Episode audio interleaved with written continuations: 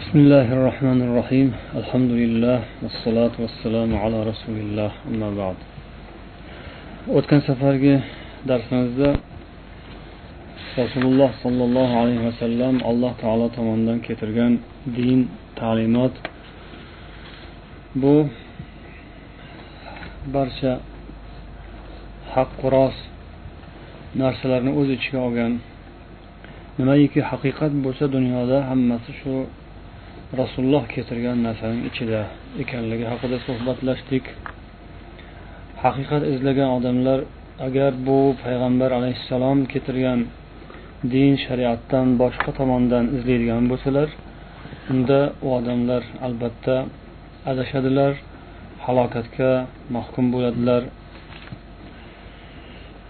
Ilmlarning asli onasi ilmlarni asli koni xazinasi shu rasululloh sollallohu alayhi vasallamda ilmlarni asli boshi ham mana shu aqida e'tiqod ilmida ekanligini eslatib o'tdik. Bu esa qur'on va sunnat buning manbai qur'on va sunnat. Hamma ilmlarni nuqtasi sodir bo'ladigan taraladigan nuqtasi shu qur'oni sunnat allohu rasul ekanini eslab o'tdik. Ammo tarixda musulmonlar tarixida ham qur'oni sunnat bilan kifoyalanmasdan boshqa joylardan ilm izlaydigan boshqa manbalardan haqiqat qidiradiganlar ham bo'lgan ayniqsa mutakallimlar deb nom bilan tarixga kirgan odamlar islomdan tashqaridagi falsafa va o'zlarini so'zlari bilan ular hikmat ham deb nomlashgan asli hikmat degani bu ko'proq sunnat payg'ambar hadislarini aytilgan lokin keyincharoq ba'zilar ilmi hikmat deb turib falsafani ham ta'riflashganlar bo'lgan. Ana shunday qilib musulmonlikdan tashqaridan qidirgan odamlar ham bo'lgan ularni esa zindiqlar ham deb aytganlar. Zindiq bu ba'zi bir ta'riflarga qaraganda o'zi forscha ham forscha so'z ham deyishadi. Munofiq degan arabchada munofiq degan so'zga barobar keladi. Zindiqlar shu islomni shariatini go'yoki to'ldirmoqchi bo'lgandek islom dinini haqiqatlarini tushuntirishda yengilroq bir yo'l yaxshiroq bir uslub topmoqchi bo'lgandek boshqa xalqlarda hali musulmon bo'lmagan xalqlarda to'plangan tajribalar dunyoqarashlar falsafalarni islom aqidasiga e'tiqodiga aralashtirishga harakat qilgan odamlar. Bularni boshliqlaridan deb bishrubni g'iyasil marrisiy abu abdurahmon ismli kishini ham mana shu aqida tahoviya sharhida nomini keltirganlar. Bu odam mo'taziliy mazhabida bo'lgan. Shu odamni zindiq deb aytishar ekan.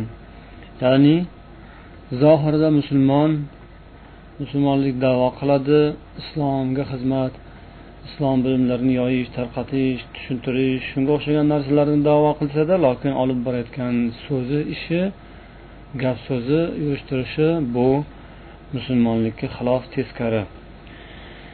Ammo bunaqa odamlarni sizlar islomga zid ish qilyapsizlar musulmonlikka teskari yo'l tutyapsizlar degan so'zni aytib tushuntirish bu o'limdan ham battar qiyin narsa. Uni ular aslo tan olmaydilar balki o'sha o'zlarini so'zlarida yo'llarida qattiq turib oladilar.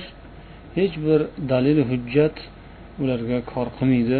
Bunaqa odamlar hamma zamonda bo'lar ekan. O'sha paytlarda ham demak bu imom abu yusuf yashagan davrda ular ham yashashgan bu yerda ham imom abu yusuf rahmatullohi alayhini shirin marrisiyga aytgan so'zlarini keltirganlar.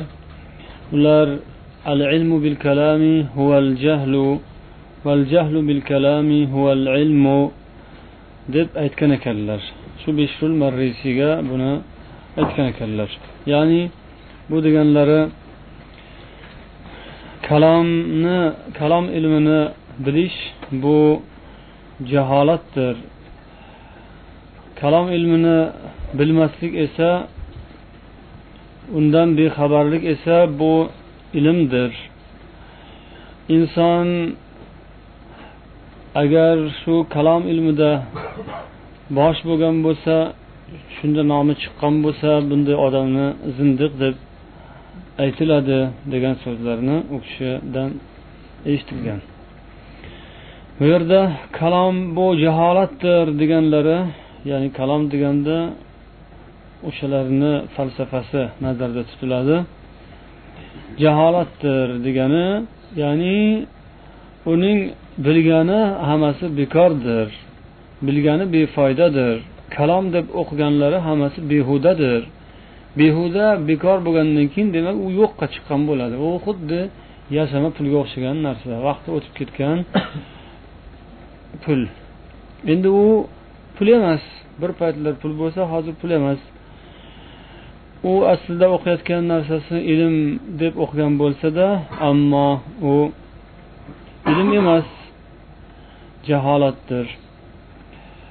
Uni bilmaslik esa ilmdir. Buning ma'nosi shu ekanki uni bilmasa inson kalom ilmidan bexabar bo'lsa yoki falsafa ilmidan bexabar bo'lsa bu ilmdir.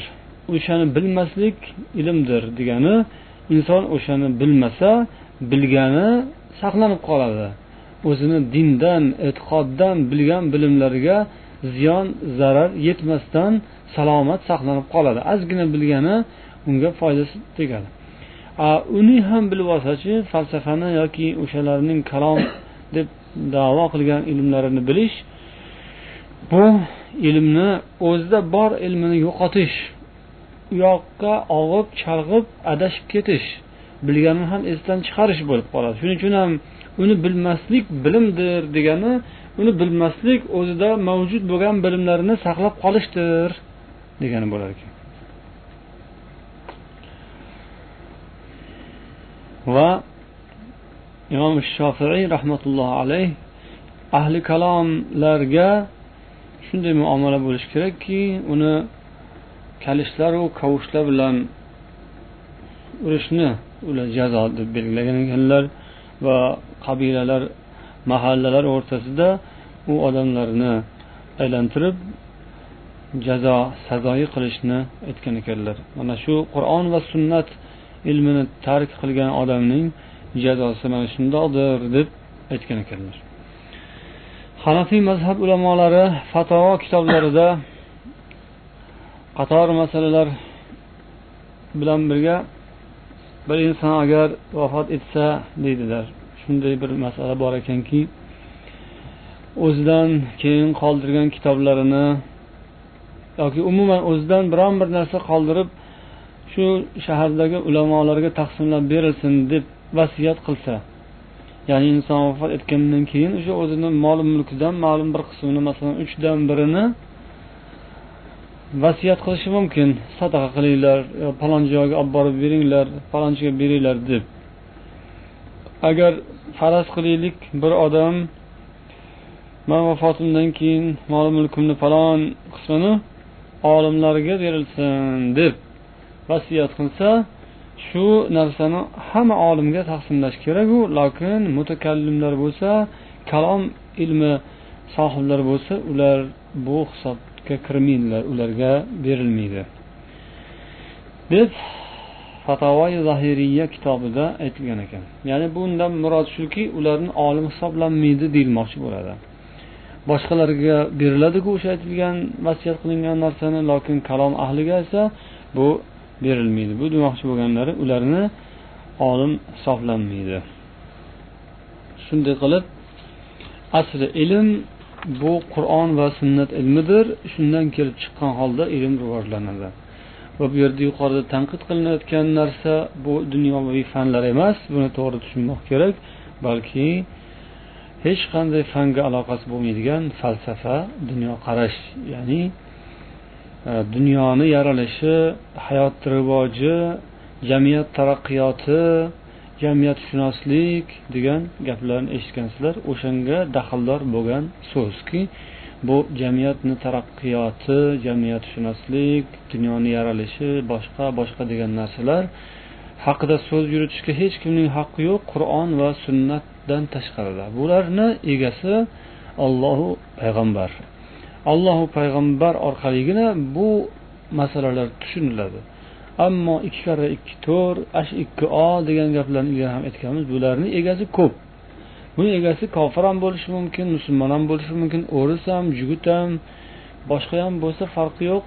U dunyoviy fan u bemalol hech qanday unga ortiqcha chegara qo'yilmagan dunyoviy fanlarni qayerdan kimdan o'qisa bo'laveradi xitoydan o'qiydimi?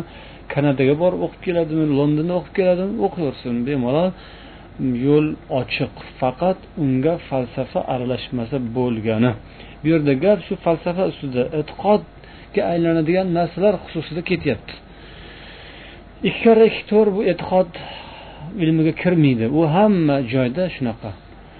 Arablarda ikki karra ikki besh yoki unaqa boshqasida boshqacha emas hamma yerda bir xil bunda hech kim tortishmaydi. Ammo mana bu dunyoqarash masalasi dunyo qanday paydo bo'lgan odam nimadan paydo bo'lgan taraqqiyot qanday bo'ladi jamiyat qanday rivojlanadi ibtidoiy jamoat tuzumi quldorlik feodalizm kapitalizm Э, imperializm yoki sotsializm keyin kommunizm xuddi mana shu qonun ekanda shu qonun asosida yurarmish. Dunyoni yaratgan boshqayu uni yurg'izadigan boshqa. Astag'firulloh bu masala demak asosiy gap shundaki o'sha ilm deganda e'tiqod ilmi bu yerda nazarda tutilyapti dunyoviy bilimlar shu e'tiqod ilmining keyinidan ergashib ketaveradi.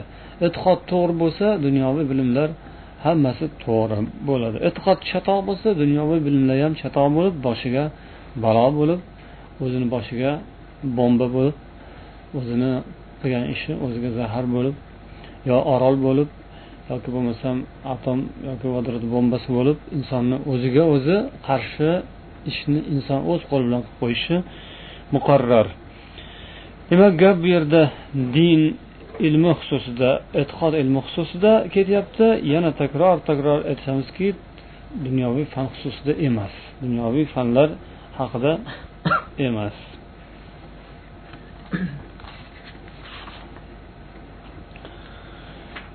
Bu kishi ana aqida tahoviya sohiblari imom tahoviy kitoblarining avvalida shu matnni shunday boshlaydilarki naqulu fi tavhidillahi mu'taqidin bi tawfiqillahi innalloha wahidun la sharika lahu. Allohning tavhidi borasida ya'ni allohni yakkalash borasida uning tavfiqi madadi yordamiga suyangan e'tiqod qilganimiz holda aytamizki alloh taolo yakkadir yagonadir uning hech bir sherigi yo'qdir. Endi bu matnni sharh qiladilar. Tavhid bu payg'ambarlar da'vatining avvali boshidir. Inson jannat yo'liga kirgan insonni birinchi qadamidir. Payg'ambarlarning da'vatlarini hammasi mana shu nuqtadan boshlanadi. Qur'oni karimda alloh taolo payg'ambarlarni o'z qavmlari xalqlariga elchi qilib yuborar ekan har birlarining zimmasiga bir xilda vazifani yuklab jo'natganligini oyatlardan ko'ramiz. Arof surasining ellik to'qqizinchi oltmish beshinchi yetmish uchinchi sakson beshinchi oyatlarida bir qator payg'ambarlarni nomlarini olloh keltirgan. nuh payg'ambar haqlarida masalan auzu billahi minash shaytonir rojim لقد أرسلنا نوحا إلى قومه فقال يا قوم اعبدوا الله ما لكم من إله غيره biz nuhni uning qavmiga elchi qilib jo'natdik u borib ey qavmim ollohga ibodat qilinglar sizlarga undan boshqa ibodat qilishga loyiq hech bir zot yo'qdir deb aytdi. Hud alayhissalom haqlarida esa ey qavmim sizlar allohga ibodat qilinglar. Sizlar uchun undan boshqa xudo yo'qdir deb aytdi. Solih alayhissalom ham xuddi shu so'zni aytganlarini alloh marhamat qiladi. Bular haqlarida kelayotgan oyatlar hammasi takror takror bir xilda takrorlangan kalimalar ya'ni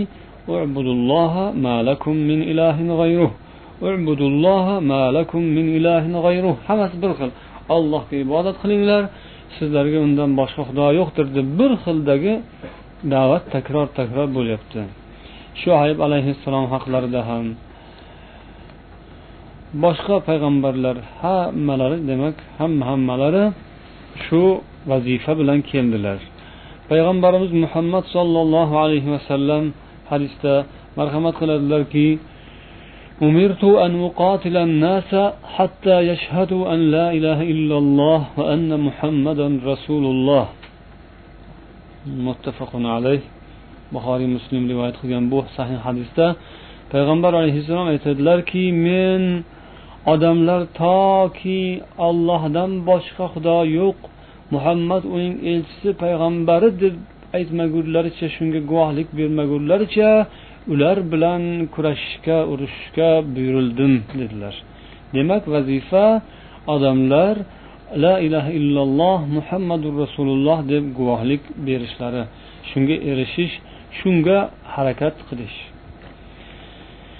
Shuning uchun ham ulamolar aytadilarki har bir inson dunyoga kelar ekan uning zimmasida birinchi vazifa birinchi farz bu shahadatu an la ilaha illalloh va anna muhammadan rasululloh.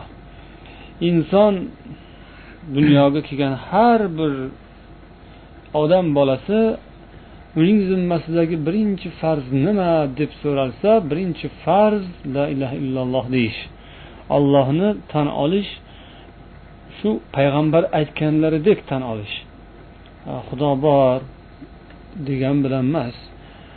Masihiylarda xudo bor deyish yoki krishnani xudo bor deyishi yahudlarni xudo bor deyishi emas. Payg'ambar ko'rsatganlaridek qilib xudoning borligini allohning borligini tan olish. La ilaha illalloh muhammadur rasululloh deb guvohlik berish bu inson zimmasidagi birinchi farzdir. Ammo tafakkur bir qarash o'ylab ko'rish yoki shu nazar o'ylab ko'rishga bir qasd qilish shakku shubhaga tushish bu narsalar emas inson zimmasidagi birinchi farz deb ta'kidlab o'tyaptilar mana shu so'zlarni. Tafakkur qilish bu birinchi farz emas deyaptilar.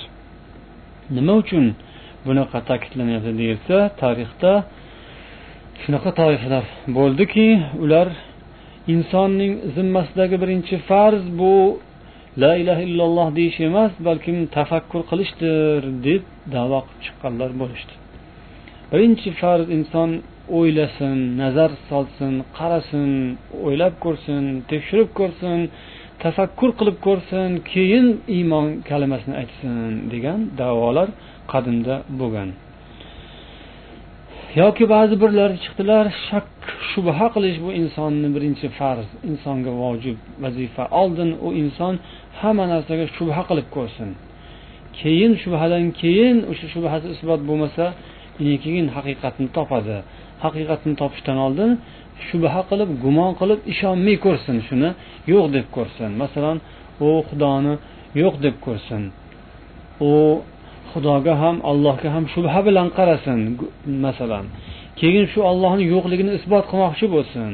Shubhasini isbot qilmoqchi bo'lsin. Isbot qilolmasa a ana endi demak xudo bor ekan degan haqiqati pishiq bo'ladi puxta bo'ladi degan davo bilan chiqqanlar ham bo'lgan. O'shaning uchun ham buni alohida zikr etib o'tilyaptiki yo'q. Insonni zimmasida birinchi farz unaqa o'ylab ko'rish tafakkur qilib ko'rishu shubhaga tushib ko'rishu keyin uddasidan chiqolmasa lekin ha bo'lmadi endi bu yoq ekan deb o'tish undoq emas. Balki hech qayerda islom ta'limotida hadislarda oyatlarda payg'ambar tarbiya ta'limotlarida bunaqa narsa kuzatilmagan hech kimdan eshitilmagan na sahoba na payg'ambar na sahobiylar na tobiinlar bunday gapdan bunday gapni aytishmaganlar ularning hammalarini ham bil ittifoq talablari balkim bizning payg'ambarimizdan oldingi payg'ambarlarniki ham hammalariki chunki haqiqat bittada hammalarining talablari birinchi talab nima? Birinchi talab shahodat. La ilaha illalloh. Hamma zamonda shunday bo'lgan la ilaha illalloh keyin o'sha zamonning payg'ambarini tan olish. La ilaha illalloh muso rasululloh masalan yoki iso rasululloh. O'zing payg'ambarimizga kelganda la ilaha illalloh muhammadun rasululloh. Birinchi farz shu. Va yana ulamolar barcha olimlar muttafiqdirlar. Ya'ni ittifoq qilib shunga kelishganlar hech bir shakku shubha yo'qki har bir inson balog'at yoshiga yetmasdan oldin shu shahodataynni aytgan bo'lsa. La ilaha illalloh muhammadu rasululloh kalimasini agar aytgan bo'lsa u odam balog'at yoshiga yetgandan keyin bu narsani qaytadan yana takrorlab olishini hech qayerda talab qilinmagan aytilmagan buyurilmagan. Bundan ko'rinadiki inson go'daklik chog'ida agar shu la ilaha illalloh muhammadu rasululloh kalimasini aytgan bo'lsa shu unga kifoya qiladi. Balog'atga yetgandan keyin uni tahoratga buyuriladi namozga buyuriladi u musulmonligida davom etaveradi. Demak uni oilasida xonadonida olgan shu ta'limi tarbiyasi kifoya qiladi. U ota onasi demak musulmonmi bolasi albatta musulmon. Nafaqat musulmonning bolasi balkim boshqa hadislardan ma'lum bo'ladiki kofirlarning bolasi ham musulmon hisoblanadi. Tug'ilgan go'dak borki hammasi musulmon hisoblanadi. Chunki rasululloh sollallohu alayhi vasallam kullu mavludin yuladu alal fitrah deb aytganlar. Tug'ilayotgan har bir go'dak u musulmon holda tug'iladi. Keyincha ota onasiga qarab turib u o'zgarib ketishi mumkin.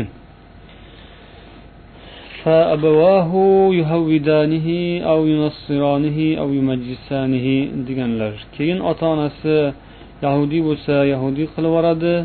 Nasroniy bo'lsa nasroniy qilib tarbiyalaydi majusiy bo'lsa majusiy qilib tarbiyalaydi ammo bu yerda musulmon qilib yuboradi keyin ota onasi degan so'z aytilmadi bu hadisda. Chunki o'zi musulmon u.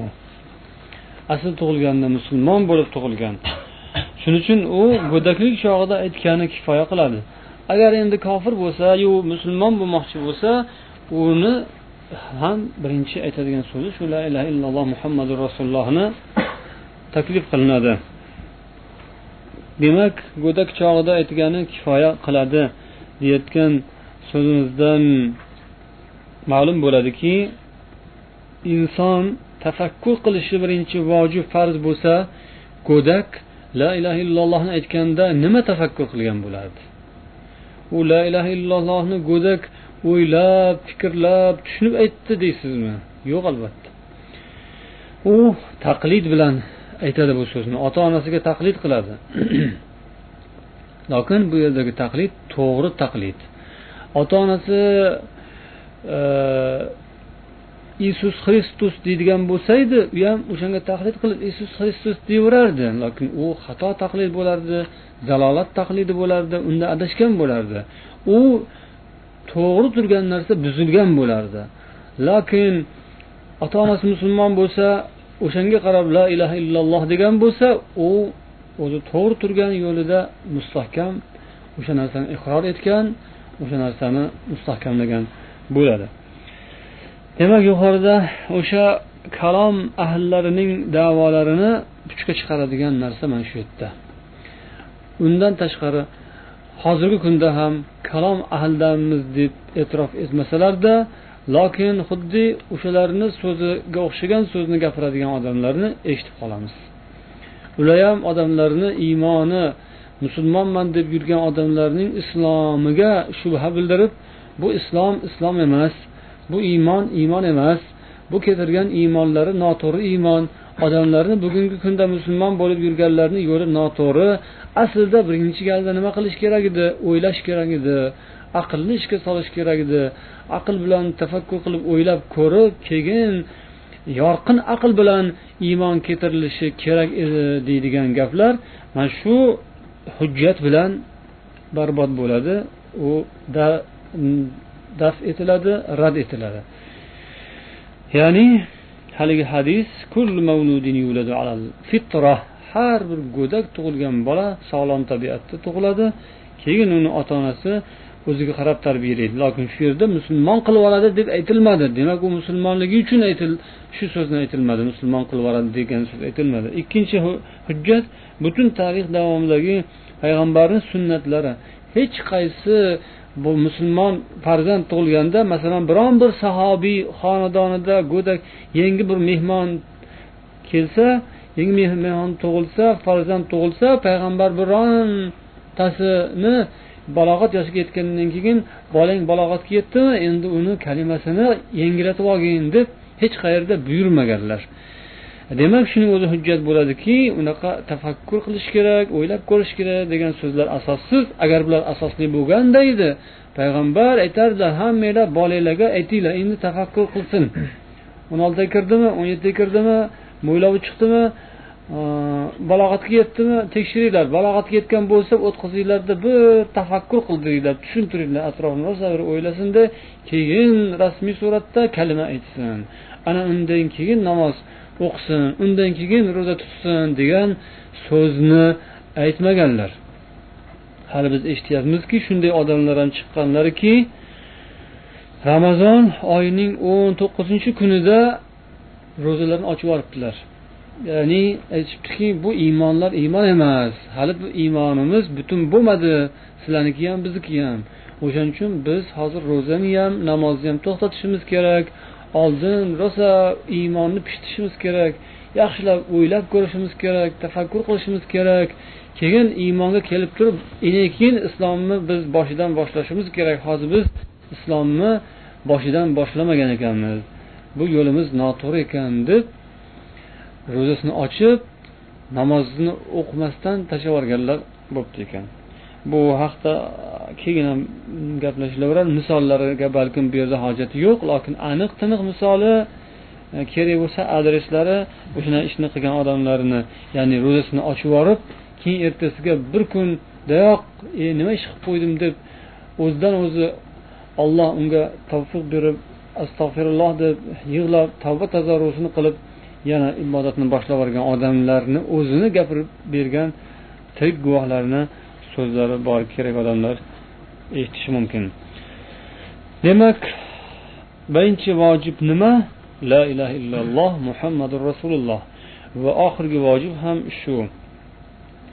Dunyodan ketayotgan paytida rasulullohning so'zlari man kana axiru kalamihi la ilaha illalloh dahalal janna kimniki oxirgi so'zi la ilaha illalloh bo'lsa u jannatga kiradi. Bu hadisni hokim rivoyat qilganlar. Hasan sahih hadis. Ya'ni inson dunyodan chiqar vaqtida ham oxirgi so'zi shu la ilaha illalloh muhammadu rasululloh bo'lishi kerak. Alloh nasib etsin. Demak hayotning avvali va oxiri mana shu la ilaha illalloh muhammadu rasululloh. Shunday bo'lsa inshaalloh o'rtasi ham shunga amal bilan o'tishi nasib bo'ladi deb umid etamiz سبحانك اللهم وبحمدك